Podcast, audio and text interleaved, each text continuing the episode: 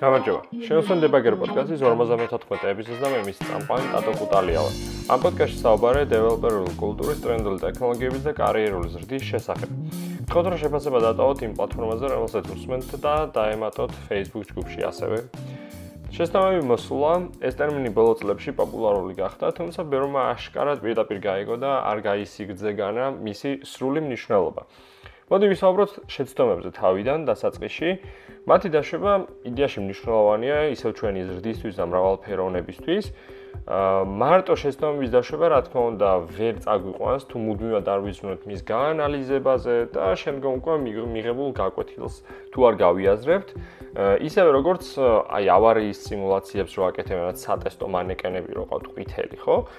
შეაჯახებენ და შემდგომ საკმაოდ დიდ დროს ხარჯავენ უკვე კომპიუტერთან ლაბორატორიაში ამ ციფრების გაანალიზებაზე და შემდგომ უკვე ხელახლა ისევ მიდიან რომ გატესტონ სიზუსტე ამ თავიანთი გაანგარიშებების. თუმცა მეორე მხარეა რომ უნდა დავიჭიროთ ბალანსი დაშვებულ შეცდომებს შორის და არ იყოს რაღაც brute force მეთოდით ნაცვლად გააზრებული სვლებისა.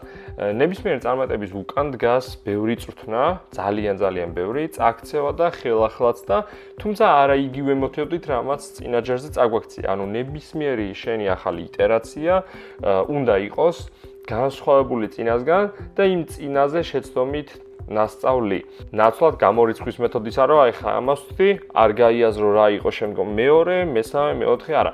ყოველთვის უნდა შევხედოთ წინას და ვეცადოთ რომ მოვექცეთ რაღაც შემდგომი ნაბიჯით ზემოთ. ახლა ვთქვათ რა კავშირი აქვს ამ ყველაფერს პასუხისგებლობასთან. როდესაც მუშაობ გუნდში და რაღაც გადაწყვეტილების მიღებაში ხარ ჩართული, უფრო დიდია შეცდომის ფასი და ყველა შეცდომასთან ერთად იმატებს პასუხისგებლობის დონე. და შემდგომ მისი გადაანალიზების ღირებულებაც, რა თქმა უნდა, ხო? თუ რაღაც დიდ უსკროლს ხედავ, სადაც შეიძლება ჩავარდე, იქიდან რაც შეიძლება დიდი გაკვეთილი უნდა მიიღო და ანუ უფრო მეტი დრო დაგჭირდება გასაანალიზებლად და მეტი ფასია ამ მიღებულ გაკვეთილს, ხო? ამ დროს ამ შედეგების გუნდიც იმკი შენთან ერთად, ამიტომ მნიშვნელოვანია გუნდში ბევრი აი ესეთი მსგავსი მაინდსეტის ხალხის ყოლა, რადგანაც ყველა ერთად ერთი მიმართულებით იაროთ, ერთად მოგივათ შეცდომა, ერთად დაიწყოთ ზრუნვა რაღაც გადაწყვეტილებების ხელახლა მისაღებად, რაღაც გასაანალიზებულ და არ იყოს ერთმანეთზე ხელის გაშვება, რომ ეს შენი ბრალია, ეს შენი ყველასი ალბათ ცალ-ცალკე ინდივიდუალურად არის, თუმცა არაფერი, ანუ ადამიანებს ხორების განმავლობაში ბევრი შანსი გვეძლევა, რომ დაუშვათ შეცდომები და სწორედ ამ შეცდომებით მივდივართ იმ ჩვენს რაღაც მემდე, გინ სამსახურში, გინ პირად ცხოვრებაში, სადაც გვინდა რომ ვიყოთ. ისე პირდაპირ იმ გემოს ვერაზოს ვერ გავიგებთ, რა უნდა იყოს. სიტყვა პასუხისმგებლობა აშინებს უმეტესობას და აფერხებს ას გადაწყვეტილების მისაღებად. მესმის ეს ჯერ კიდევ ბავშვობიდან ალბათ მოყოლებული არის ჩვენ ჩვენს ირგვლივ და ზუსტად ეგეთი გარემო იქმნებოდა. თუმცა ამაზე ცოტა მეერე მეორე მხარეს ხვდებიან ვინც საერთოდ ვერ იაზრებს ან თავქარიანი დარერიდება პასუხისმგებლობის აღებას და შემდგომ მიღებული შედეგების და ანალიზების ხელახლად ცდას. ოღონდ ეს ცდა როგორი არის? ხო ანუ შეიძლება შეცდომა დაუშვას, არა უშავს, მივდივართ ხელახლა ვეჯახებით, სწრაფად გადავიაზროთ ესეც ქაოტურად და დაახლოებული არის brute force-ის მეთოდთან, ოღონდ ცოტა უფრო მეტი ფიქრია ჩადებული.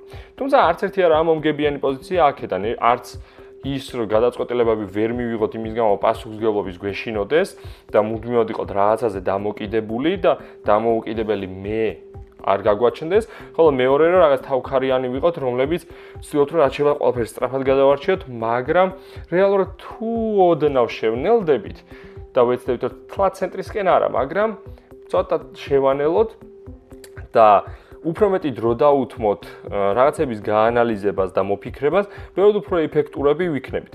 შეუსწავლელი არავინ არ არის, ამიტომ ეცადე რომ უბრალოდ სწრაფად წამოდგე და ხელახლა დაარტყან. ალბათ fail fast სტრატეგიაც ნაცნობი იქნება ამ პოდკასტის მსმენელებისთვის, თუ არა და აუცილებლად დავლინკავ რესურსებში. ამიტომ გამბედაობა იმის რაღაცა შევცვალოთ, ანუ იმის ცეცხლი უნდა გქონდეს შინით, რომ რაღაცის შესვლა გვინდა და ამ ყველაფერს მოყვება აუცილებლად პასუხისგებლობა, პასუხისგებლობის აღება. მოდი ცოტა მეტი ვისაუბროთ კიდე ამ პასუხისგებლობაზე. ზოგადად ამ პასუხისმგებლობას როგორც თქვი, ბავშვობიდანვე ვეჩვევი და ყოველთვის სხვა რაღაცის ბრალია ყველაფერი. და ეხლაც ჩვენ ცხოვრებისეულ თუ სამსახურის დავალებებზე, ყოველდღიურ მოვლენებზე შეიძლება იყოს რომ ხან კომპიუტერი ჭედავს, ხან რაღაც სისტემაა გადასაყენებელი, ხან რაღაცა მაურია, კიდე რაღაცა მოხდა, ხო? იქით რაღაცაზე წვდომა არ ქონდა, იქით რაღაც ვერ გავაკეთე. არა პასუხისმგებლობის აღება იმაზე რომ რაღაცა თქვათ ისე დაგვეზარა არ გამოგვივიდა არ ნიშნავს რომ დაუმარცხდით ხო ეს ნიშნავს რომ ზრდასრული ხარ და შეგიძლია საკუთარი მოვლენები საკუთარ თავზე აღება და მომავალში მათი გამოსწორება. ამიტომ არ გაქვს ამაზე წვდომა ან არ გამოგდის რაღაც იმგზით რაც შეიძლება ითქვა თავიდან ხო? არა უშავს შეაწუხე 50 ადამიანი გაიკაფე გზა და გადი ბოლოში არ გამოვა არა უშავს. გადაახალისე რაც ალტერნატიული გზები მონახე და ხელახლას წადე ეს სადე ყველაფერი იმის ხარჯზე რომ წინათ გაანალიზე ვისთან რა არ გამოგივიდა რატომ რა არის შენი საბოლოო მიზანი? იქნებ მიზანი არ გაქვს თვაც სწორად დასმული და ფოკუსია გასასწორებელი. ანუ მარტო ცდა არ არის ყველაფერი და ამ შეცდომის დაშვება და ცდა არ არის მთელი, ასე ვთქვათ, გული ამ ყველაფრის, ხო? ანუ ვექტორი თუ არასწორია, მარტო ცდა არაფერს არ უზამს, ხო? მოდი ახლა ვისაუბროთ რასაც რომელიც ალბათ ძალიან ხშირად ხდება ჩვენს იგვლი და საკმარის ყურადღება შეიძლება არ უთმოდეთ. ძალიან ხშირად გვესმის ალბათ ასეთი ფრაზები, რომ რაღაც არ გამოვა და იტყვიან, რომ ე არ გამოვიდა და მე რე კიდევ ცდი.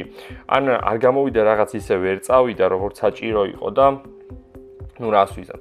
აა ზოგადად შეცდომების მიმღებლობა გამოაცლობს ხასიათს და მომავალი წარმატების საფუძველიც ხდება. მაგრამ ამას ყოველთვის როგორც მანამდე ვისაუბრეთ, თანდევი ათ პასუხისგებლობა არ უნდა დავივიწყოთ, ანუ ყოველთვის უნდა მოვყვებოდეს. ამიტომ ვეცადოთ გამოვასწოროთ რისკები ხარისხიანად გავიაზროთ და იმის გამო რომ ზურგს გვიმაგრებს რაღაც შეცდომების დაშვების ფუფუნება და ეს ფუფუნება რო გვაქვს საერთოდ და შემდგომ ვითომ პასუხისგებლობის აღება ძალიან არასერიოზულია. ამიტომ იმ წინადებას რო დაუბრუნდეთ ისე რომ რაც ჩვენ სიგლი ისმის რომ რაღაცა არ გამოვიდა, რაღაცა ისე წავედა როგორც იყო და ამას ნებდები ან აბრალებ რაღაცა სხვა მესამე ფაქტორს, ცოტა არასერიოზული არის რა. მოდი ხელახლა შეუტიოჯობს გაანალიზო, არ გამოვა, არა უშავს, კიდე იზამ, ხო? და ამ ყველაფერში თავარი არის, რომ ის ქაოტური მხარე არ დაიჭირო, სადაც უკვე არასერიოზული ხდება ამ ვითო პასუხისმგებლობის აღება. იქამდე მივიდივარ საბოლოოდ, რომ რაც ბალანსი არის საჭირო.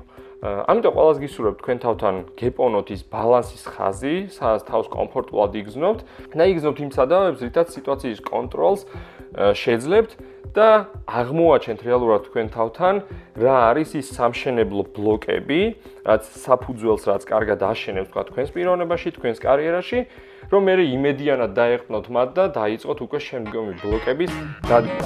ფესის თუ ეს იყო, თუ მოგეწონათ და ლაიქეთ Facebook გვერდი და შემოუერთდით ჯგუფს და წარმატებები გისურვებთ. ნახვამდის.